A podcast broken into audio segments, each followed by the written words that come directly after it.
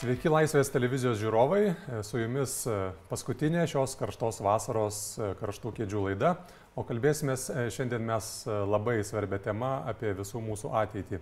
Konkrečiau, švietimo ir mokslo reformas, situaciją mokykloje. O suprasti visą tai šiandien mums padės švietimo ir mokslo ministrė Jurgita Petrauskinė. Sveiki. Labadiena. Šią savaitę jūs įspėjote susitikime su savivaldybių atstovais stebėti demografinę situaciją ir pagal ją priminėti sprendimus. Priminkite, prašau, kiek e, šiais metais į mokyklas ateis mokinių ir kaip tas skaičius gali būti palygintas su ankstesniais metais. Vakar kaip tik pristatėme švietimo būklę ir švietimas labai margas paukštis, situacija yra labai netolygi ir tai yra didelis iššūkis pačiai švietimo sistemai. Yra savivaldybių, kur ateinančių į mokyklas būsimų moksleivių skaičius ir moksleivių skaičius mažėja iki 22 procentų. Yra trys savivaldybės, kur moksleivių skaičius auga iki 6 procentų. Tai tikriausiai priimti sprendimus savivaldybei, kur viena ieško būdų, kaip statyti mokyklas, užtikrinti galimybės, kad visi ateitų į mokyklą, kitos savivaldybės na, turi susidurti su iššūkiais, ką daryti, kai mokyklos nyksta. Ir labai liūdna, kad švietime demografinė situacija buvo mažai remtasi, mažai nagrinėta, todėl kad na, yra situacija, kurią turime dabar, bet taip pat yra prognozės gimstančių vaikų, kurie ateis po penkerių, po septyniarių metų į mokyklas ir savivalda kaip mokyklų steigėjai tikrai turėtų priimti sprendimus, na, užtikrinant, kad tie vaikai, kurie ateis, kad jie turėtų pačias geriausias sąlygas mokytis ir resursai ūkdymo kokybė ir būtų nukreipti, o ne vien administravimui. Taip, o žinoma, pagrindinis vis dėlto mm, rodiklis, pagal kurį sprendžiam švietimo kokybės e, e, situacija yra išsilavinimas. Tai kaip Jūs vertintumėte abiturientų žinių lygį? Jis patenkinamas, e, geras, blogas ir kaip Jūs įsivaizduojate jo dinamiką ateityje? E, kas yra gera mokykla? Visi tikriausiai, kai užsimerkime, tai matom pastatą. Bet realiai mokykla yra bendruomenė ir bendruomenės nariai turi labai skirtingus lūkesčius. Moksleivių lūkesčiai, tėvų lūkesčiai, mokytojų, mokyklų vadovų, netgi bendruomenė, kuri yra aplink mokyklą. Ir pasiekimai be jokios abejonės tai yra vienas iš labai visiems aiškiai suprantamų indikacijų, e, kurie rodo, ar mokykla yra gera. Ir e, jeigu matome pozityvių ženklų, kad tarkim, tarptautiniai tyrimai rodo, kad pradinukų skaitimo įgūdžių lygis auga. Lyginant su 2001 metais buvo matyti daug programų, daug iniciatyvų, mes tikrai turėjom gerėjančią situaciją ir čia yra didelis ir mokyklos, bet tikriausiai ir tėvų, ir nevyriausybinio organizacijų indėlis, bet negalime nematyti, kad pati didžiausia rizikos grupė arba kur turime tikrai susirūpinti, tai yra penktų, aštuntų klasių mokiniai. Ir PISA tyrimai rodo, kad mes gerokai atsiliekame nuo EBPO šalių vidurkio pagal matematinį raštingumą, gamtamokslį raštingumą, todėl sisteminės problemos, kurios kaupėsi dešimtmečiais, jos tikrai yra neįmanoma išspręsti vienu ar dviem sprendimais. Todėl miniu, kad visos šitos didelės švietimo bendruomenės, ką mes vadiname mokykla, požiūris ir indėlis yra labai svarbus. Bet jūsų prognozija kokia yra vis dėlto? E, bus dar tolin rėdama, e, tarkim, Na, e, kalbėti apie švietimą tai yra sistema, kuri yra pati konservatiškiausia, nepaisant to, kad tai yra sistema, kuri, kaip jūs ir minėjote, realiai kuria ateitį, kuria ateities visuomenė. Inercija taip pat yra labai didelė. Tai matyt, bus dar tam tikras metas, kada stebuklo tikrai negalime tikėtis. Bet tie sprendimai, kurie yra priimami investuojant pirmiausiai į mokytoją į naują mokytojų rengimo sistemą, į naują mokytojų profesinio augimo sistemą, mokytojų apmokėjimą. Nes čia tas stebukladarys ir čia tas, tas raktas ilgainiui šitie sprendimai, ką rodo Suomijos patirtis. Suomiams užteko kantrybės 30 metų nesiblaškyti švietime ir jie turi dabar puikius rezultatus. Estai eina labai panašiu keliu tuos sprendimus, kuriuos priimame dabar dėl mokytojų rengimo, dėl mokytojų naujos etatinio apmokėjimo tvarkos, e, estai priemė prieš penkerius metus. Apie tai mes dar truputį vėliau pakalbėsim, bet aš susidarau tokį įspūdį, kad švietimo sistema yra tokia sritis, kurioje visi turi idėjų, kaip ją pagerinti ir nuolat atsineša tas idėjas. Tai viena naujausių idėjų, turbūt nuskambėjusi dar pavasarį, tai buvo pono Karbauskio pasiūlymas atsisakyti egzaminų kaip to tokio e, reiškinio švietimo sistemoje ir e, vertinti vidurkį. Ką, ką Jūs manote apie pasiūlymus taip elgtis? Ar Jūs svarstote rimtai tokius pasiūlymus?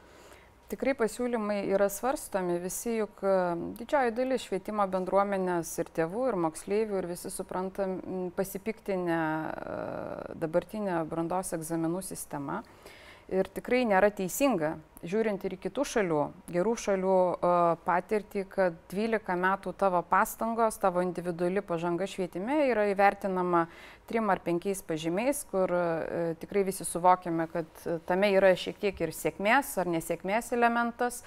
Ir tada uh, lipame keturis metus gimnazijos klasėse į tą Everestą ir tai uh, lyg ir tie trys skaičiai ir penki skaičiai prasmina viską, ką aš veikiau 12 metų. Tai natūralu, kad yra siūlymas remiantis gerąją patirtimi, na, šiek tiek nukarūnuoti, jeigu taip galima sakyti, brandos egzaminus. Jie yra reikalingi, nes jie parodo, kas aš esu visoje Lietuvoje, lyginant su tokiais pačiais moksleiviais. Ir, bet uh, jie neleidžia įvertinti nuolatinio pasirengimo tiek, uh, tarkim, stoti į aukštąją mokyklą, sisteminių pastangų, kas yra labai svarbu. Vadinasi, jūs rimtai svarstysit pasiūlymą ir ruošite kažkokios naujovės. Tai yra siūlomas, e, tai yra ir vyriausybės mm. programos dalis, e, kaip minėjau, remiantis ir EBPO rekomendacijomis, įvesti individualios pažangos vertinimą, įvesti kaupiamą įvertinimą, kada baigiant mokyklą, be brandos egzaminų, aš taip pat turėsiu galimybę turėti savo pažangos vertinimą, tai yra vidurkių E, sistema, taip pat brandos darbas, kuris leidžia savanorystę, kuri irgi leidžia atskleisti tas savybės, tas kompetencijas, kurios, manau, suteikiant brandos atestatą yra nemažiau svarbios šio laikinėme e, gyvenime. Gerai, tas galbūt nutiks, gal dar svarstysite ilgai, bet kas jau įvykė ir jau kitą savaitę pradės veikti, ko gero, tai etatinio apmokėjimo sistema. Paaiškinkite keliais punktais esmę, neišsiplečiant. Ji nukreipta, kad pasiektumėte kokių tikslų? Pirmiausiai, e, ji yra nukreipta e, keisti mokytojo darbą, stiprinant, investuojant daugiau į ūkdymo kokybę. E, nereikėtų suprasti etatinio apmokėjimo sistemos vien tik tai kaip e, būdo padidinti mokytojams atlyginimus. Mokytojams atlyginimai didės, todėl kad ateina daugiau pinigų mokytojų darbo užmokesčio fondui. Jeigu anksčiau ūkdymo lėšos mokykloje nebuvo atskirtos, e, aiškiai mokytojų atlyginimams skirtos lėšos įvairiais atvejais buvo panaudojamos Nebūtinai mokytojų atlyginimams, kartais administracijai, kartais administravimui, kartais ūkio išlaidoms. Tai dabar pakeitus šią tvarką, tos lėšos jos negalės būti panaudotos niekam kitam, tik tai mokytojams. Taip pat, kas yra, e, e, e, ką siūlo naujam etatinis apmokėjimas. Mokytojo darbas yra pamoka ir tai yra svarbiausia dalis - pasirengimas pamokoms. Bet ką minėjau apie penktokus, aštuntokus, ką minėjau apie pasiekimus, tai akivaizdžiai matome, kad atskirti švietime didėja. Matome, kad yra vis didesnė dalis vaikų, kuriems reikia individualaus dėmesio ir pagalbos. Tai ši tvarka padės tą dėmesį sukoncentruoti, nes ten numatyta, pavyzdžiui, tokie dalykai kaip atmokėjimas už visuomeniai naudingą uh, veiklą, tai čia galėtų turbūt ir žuklė su kažkokiais gėrimais ant kranto vykti, ar ne? Na, tai, tai ką jūs kalbate, tai mm. manom, kad uh, mokyklos tikrai, uh, reiškia, tiek, uh, tiek nepasitikim švietimo sistema, mm. kad įsivaizduojam, kad uh, žuklę apmokėsim. O realiai uh, mokytojas yra žmogus, kuris uh, skiria dėmesį vaikui, kad ir tie pasiekimai būtų geri. Ir jeigu reikia kažkam individualios pagalbos, jeigu mes kaip tėvai išleidžiame nemažai lėšų korepetitoriams, būreliams, dažnai leisdami savo vaikus pas tuos pačius mokytojus, kurie, kurie netgi dirba mokykloje. Tai e, galime įvairiai vadinti visuomeniai naudingą veiklą, darbą su bendruomenė, bet tai ir yra konsultacijos mūsų vaikams, būreliai, kalbant apie vaikų užimtumą, kas irgi kelia labai daug iššūkių. Tai tarkim, jeigu fizinio lavinimo mokytojas jis turi mažą krūvį, o dažnai taip yra mokykloje, jis gauna mažą atlyginimą, bet mes tikrai nenorime ir negalvojame, kad fizinio lavinimo mokytojas yra kažkoks prastesnis mokytojas arba toks mažiau reikšmingas mokytojas, e, kalbant apie visapusį asmenybės ūkdymą. Ir tai, kad jis galės vesti, tarkim, mokykloje, jeigu yra tokios sąlygos, uh, užsiemimus po pamokų, žaisti su vaikais futbolą, tevam nereikės vežti į būrelius, spręsime sudėtingų socialiai vaikų problemas, tai etatinis apmokėjimas tokie, tokias galimybės šiai dienai suteikia. O kokių reikia, e, e, kokios reikia pagalbos, kas ta veikla su bendruomenė, tai priklauso nuo kiekvienos mokyklos bendruomenės. Panašu, kad jūs ilgai galvojate apie šitą permainą ir ruošiatės jai, bet ką aš girdžiu iš mokyklų vadovų, su kuriais aš esu kalbėjęsis, juos trikdo ta skuba. Jie sako, kad raštą iš ministerijos gavo tik rūpiučio pradžioje ruoštis viskam, o, o laiko yra mažai. Ar iš tiesų taip yra? Kodėl jūs taip tarsi viską greitai darote, jų nuomonė? Na tikrai, kai tokia didelė sistema ir yra virš 2000 mokyklų vadovų ir iš 54 tūkstančių žmonių dirbančių mokytojais, tai komunikacija, informavimas ir rėmimasis negandais, o oficialiais informacijos šaltiniais yra iššūkis didžiulis. E, etatinis mokytojų apmokėjimas Lietuvoje diskutuojamas nuo 2004 metų švietimo bendruomenė, kurie, kurie dalyvauja šitoje sistemoje, tikrai tai nėra naujovė. Ne, vieną kartą pritrūko politinės valios šiam sprendimui priimti. Faktas tas, kad taip galutiniai sprendimai buvo priimti Seimo sesijos paskutinėmis dienomis, tačiau pati diskusija tiek su mokyklų vadovais, tiek su mokytojais vyko daugiau nei pusantrų metų. Bet mes kartu, mes, e, mes kartu rengėme teisės aktų projektus. Hmm. Ir šie žmonės, e, ne, tikrai ne visi, kaip minėjau, tikrai ne visi 54 tūkstančiai ir ne 2 tūkstančiai vadovų, bet jų atstovai tikrai dalyvavo rengiant visus teisės aktus. Ir, ir, tai jums atrodo tas laikotarpis normalus? Tas laikotarpis yra įtemptas, be jokios abejonės, bet, bet koks pokytis tokioje didelėje sistemoje visiškai suprantama, kad tai yra didelis iššūkis mokykloms, didelis iššūkis mokyklų vadovams, tik tiesiog mes turime apsispręsti.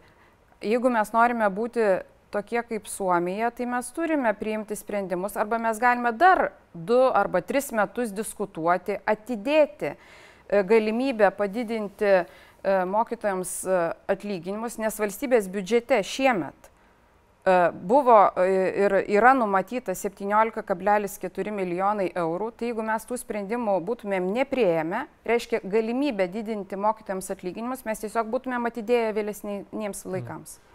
O jūs nenorėjote pamėginti vis dėlto su kelių dydžių mokyklomis, kaip pilotiniais projektais, pažiūrėti, ar tinka, nes e, jūs savo, nu, galimai užsikasėte daug minų kelyje. E, taip pat visom mokyklom didžiai e, teritorijos vaikų skaičius vieną tvarką e, ir žiūrėsim, kaip bus. Tikrai modeliavom ir tikrai pilotavom, e, ne, e, teisės aktai nebuvo e, juk priimti, bet tikrai buvo modeliuojama su labai skirtingom mokyklom ir su didelėm mokyklom, ir su miestų mokyklom, ir su regionų, ir su, ir su kaimų mokyklom.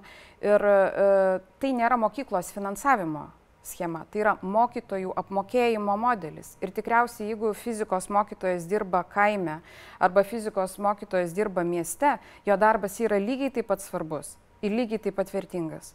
Tik jie visi, aišku, tas darbo sutartis dabar turės perrašyti per kelias savaitės. Taip, išlindo ir kiti dalykai, kad mm, e, įvedant e, etatinį apmokėjimo modelį tikrai vadovams yra didelis iššūkis uh, parengti e, visas darbo sutartis, bet paaiškėjo tai, kad nepaisant to, kad 2003 berots metais buvo darbo kodeksas e, priimtas, e, dar prieš metus atnaujintas, yra mokytojų, kurie labai ilgai dirba mokyklose ir vadovų, kurie labai ilgai dirba mokyklose ir paaiškėjo tai, kad žmonės yra įdarbinti įsakymais, kad jie neturi darbo sutarčių. Mhm.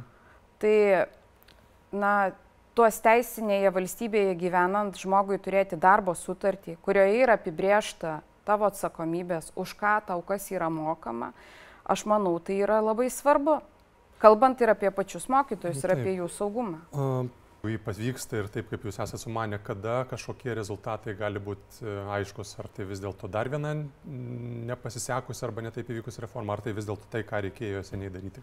Kad tai, kad tai reikėjo senai daryti, kaip minėjau, tą liudyja ir tarptautiniai pavyzdžiai, mhm. ir uh, tą liudyja ir daugiau nei dešimt metų Lietuvoje vykusi diskusija, o tai, kad ateina per du mokslo metus mokytojų atlyginimų fondui papildomai 95 milijonai eurų ir, kaip minėjau, niekam kitam, tik mokytojų atlyginimams, tai pirmą padidėjimą mokytojai pajus nuo rugsėjo, Taip, kiekvienam individualiai didės skirtingai.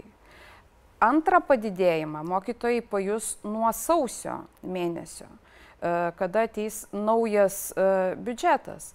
O mokytojo atlyginimą, kaip ir mūsų kiekvieno atlyginimą, lemia tai, kokiu krūviu aš dirbu, lemia mano kvalifikacija, e, lemia mano darbo stažas. Mes čia kalbėjome, aišku, daugiau apie įrankius, nes mokytojų atlyginimai ir patys mokytojai yra tiesiog e, įrankis siekiant tikslo, tikslas, žinoma, yra labiau išsilavinusi ir konkurencinga šio laikiška visuomenė. Tai aš norėjau jūsų pastirauti apie situaciją su mokytojais Lietuvoje, nes jūs esate sakiusi, kad jų mums Lietuvoje ir per daug, ir trūksta, nes aš kaip suprantu, iš 50 su trupučiu tūkstančių pusė yra vyresnių negu 50 metų, apie 12 procentų jau yra ir pensinio amžiaus. Tai e, kaip jūs matote perspektyvą penkerių metų laikotarpyje, kas čia darysis, bus kažkokia dar didesnė dobė, kai pradės trūkti tragiškai, ar vis dėlto jūs turite viziją, kaip to išvengti mažiausiai skausmingų būdų? Mes turime puikių, nuostabių mokytojų, mes turime puikių mokyklų, mes turime moksleivių, kurie pasiekia puikiausių rezultatų, at, e, parveža e, medalius iš tarptautinių įvairių olimpiadų tikriausiai žmogiškai akiai labiausiai visada kliūna na, tamsesnės spalvos, tai šitoje vietoje reikia suvokti, kad e, atėjome į situaciją, kada e, švietimas e, arba ypatingai mokytojų visas rytis, jų rengimas, jų apmokėjimas, demografinė mokytojų situacija kaip didelis kamuolys su dideliu pagreičiu krenta nuo kalno ir dabar reikia stabdyti ir nuosekliai e, kelti į kalno viršūnę. Nes mokytojas ir tik mokytojas yra tas raktas.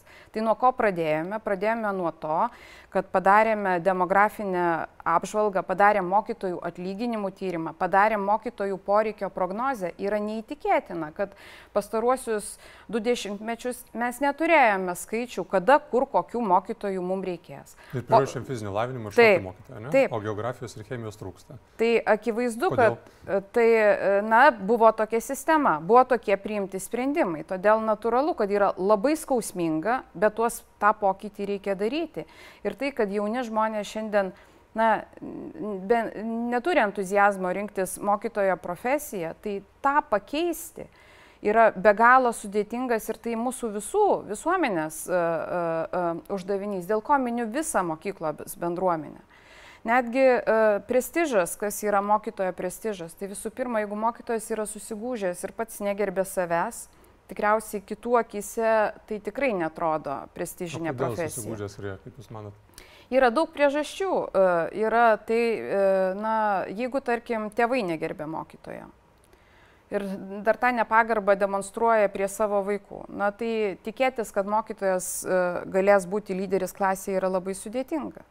Ir čia be galo kompleksinė problema, mes turim puikių mokytojų, nes kaip pavyzdį galim pasakyti, paklauskim bet kurio moksleivio, kodėl tas pats moksleivis, e, tarkim, visai nesidomėdamas, e, nerodydamas dėmesio vienoje pamokoje, pas kitą mokytoją aktyviai dalyvauja, jam įdomu, e, vykdo visas užduotis, domisi, tai rodo, kad mes ir mokytojų turime labai skirtingų. Žinoma, bet mes į mokyklas matyt žiūrime kaip į na, vieną visumą, o kažkokių kaip egzaminų egzaminuotojams kaip ir nėra. Ar jūs manote, kad būtų tikslinga tos kvalifikacijos e, testus kažkokius e, daryti Na, mokytojams? Mokytojų profesinio augimo sistema yra tikrai peržiūrėtina. E, todėl, ką, ką vėlgi vakar švietimo būklėje pristatėme, kad aukštą kvalifikacinę klasę turintys mokytojai ir jų pas, moksleivių pasiekimai ne visur koreliuoja.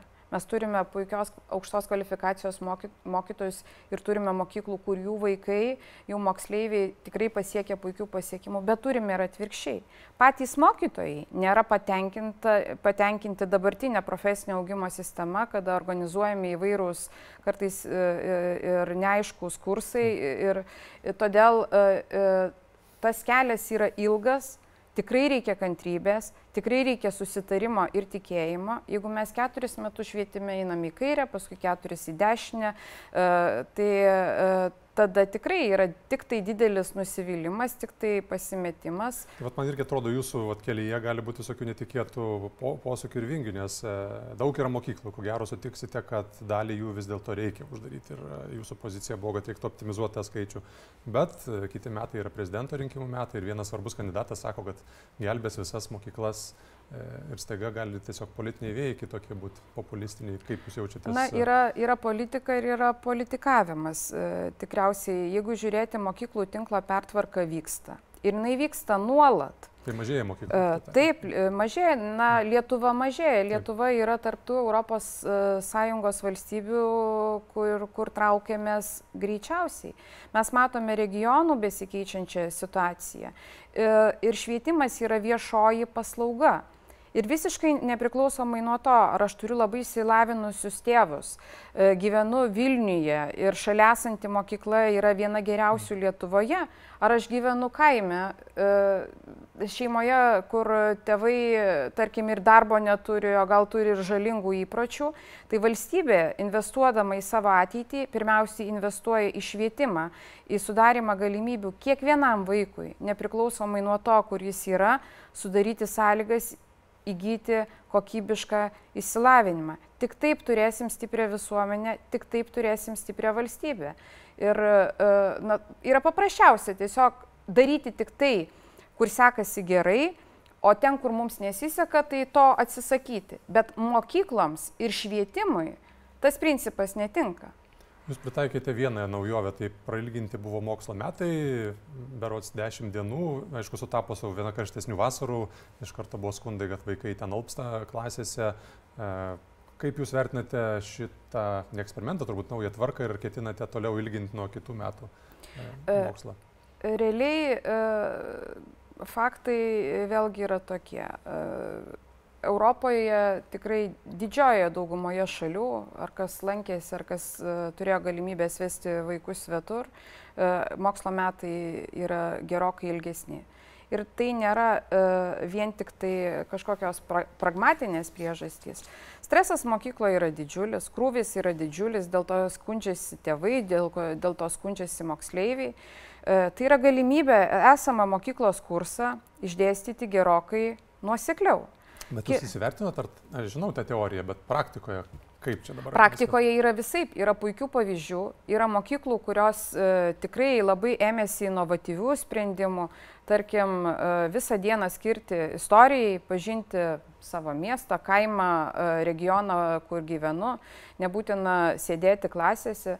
Taip būna ir labai šaltų dienų, būna ir labai karštų dienų ir reikia įvertinti ir kiekviena mokykla na, turi įvertinti tą situaciją. Bet yra mokyklų, kurios tikrai, na, ir žinodamos tą sprendimą pavasarį, Rugsėjo mėnesį tai priėmė kaip didelę uh, uh, naujovę, uh, gegužės mėnesį surinko vadovėlius ir tada klausia, o ką mums daryti.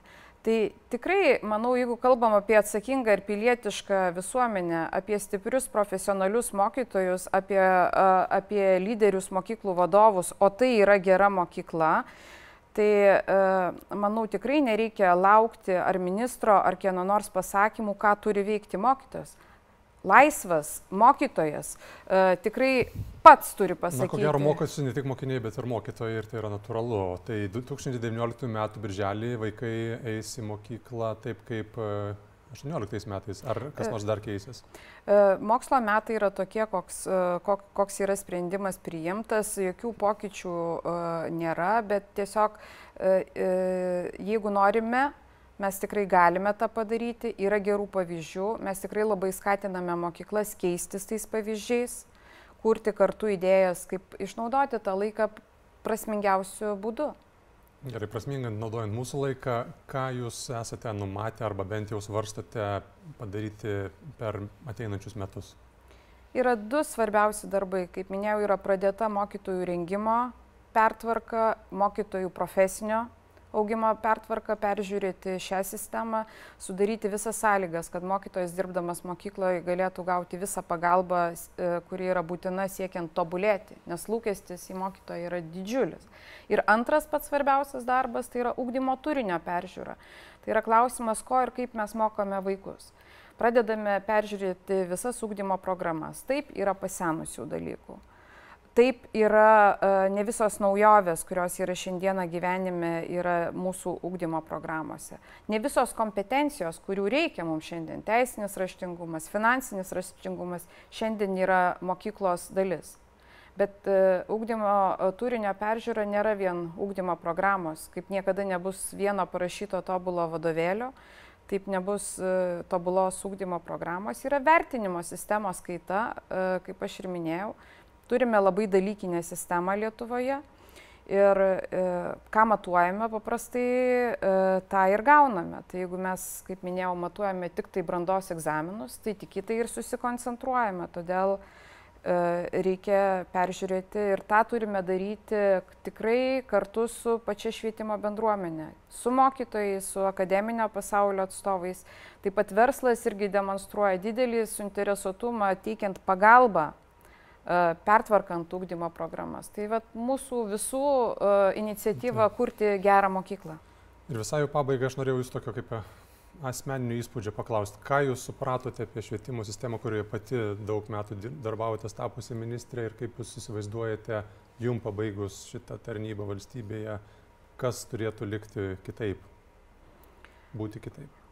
Na, kas labai aišku, kas labai ryšku, mes dažnai imam individualias istorijas, e, atskirus pavyzdžius ir, ir remiantis tuo sprendžiame apie visą sistemą. Tai švietimo sistema yra be galo įvairi.